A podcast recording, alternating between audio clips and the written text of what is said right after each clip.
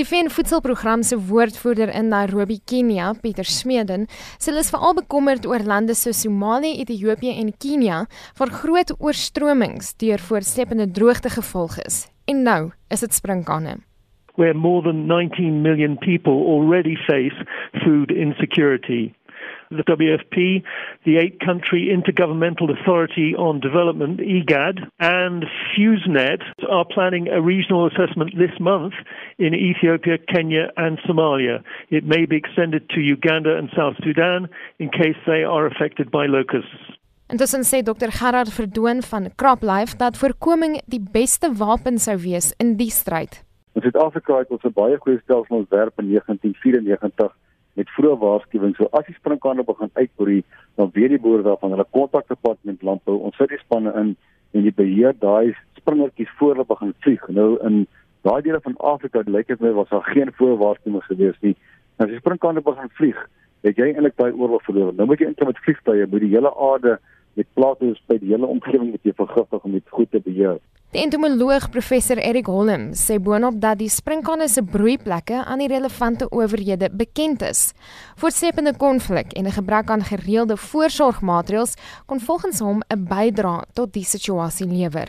Dit is juis oor hulle bekleierery en geterroriseerdery van mekaar dat hulle nie meer die nimfe beheer nie en al die onderhoudstelsels is, is natuurlik nou stukkend. Niemand gaan ons nou daar kan nimfe bestry terwyl hulle op mekaar skiet nie die swerms kan kilometers in deursnee bereik.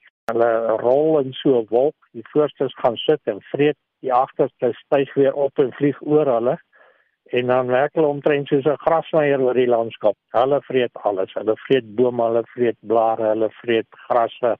So daar bly nie 'n plant staan aan hulle pad nie.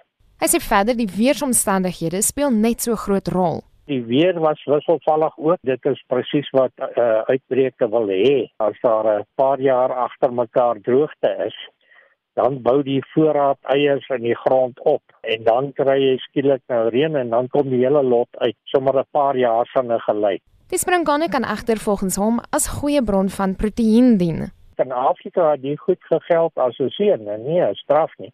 Dan nie nagslaap hulle, dan kan jy nou emmers en emmers bymekaar maak en droog dan het jy geweldig goeie kos. Nie net vir mense nie, ook vir diere. Cyril Vardon van die Oos-Afrika afdeling van die VN se Voedsel- en Landbouorganisasie, ook in Nairobi, Kenia, sê dit sowat 1,1 miljard rand nodig om die kwessie in die kiem te smoor.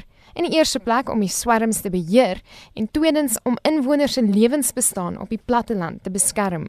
Then in areas where we will fail in the control of desert locusts because uh, we are overwhelmed, for example, then we need to have livelihood recovery interventions.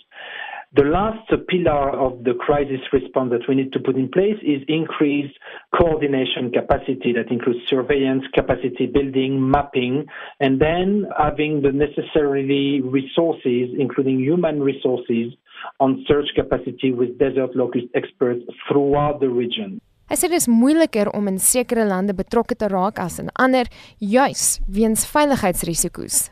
That's the case in Yemen, for example, which is linked also to this crisis.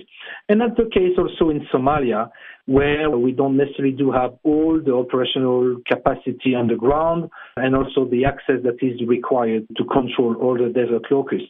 But that's not the only part of the equation. It's not coming from countries that are in conflict or that are more fragile.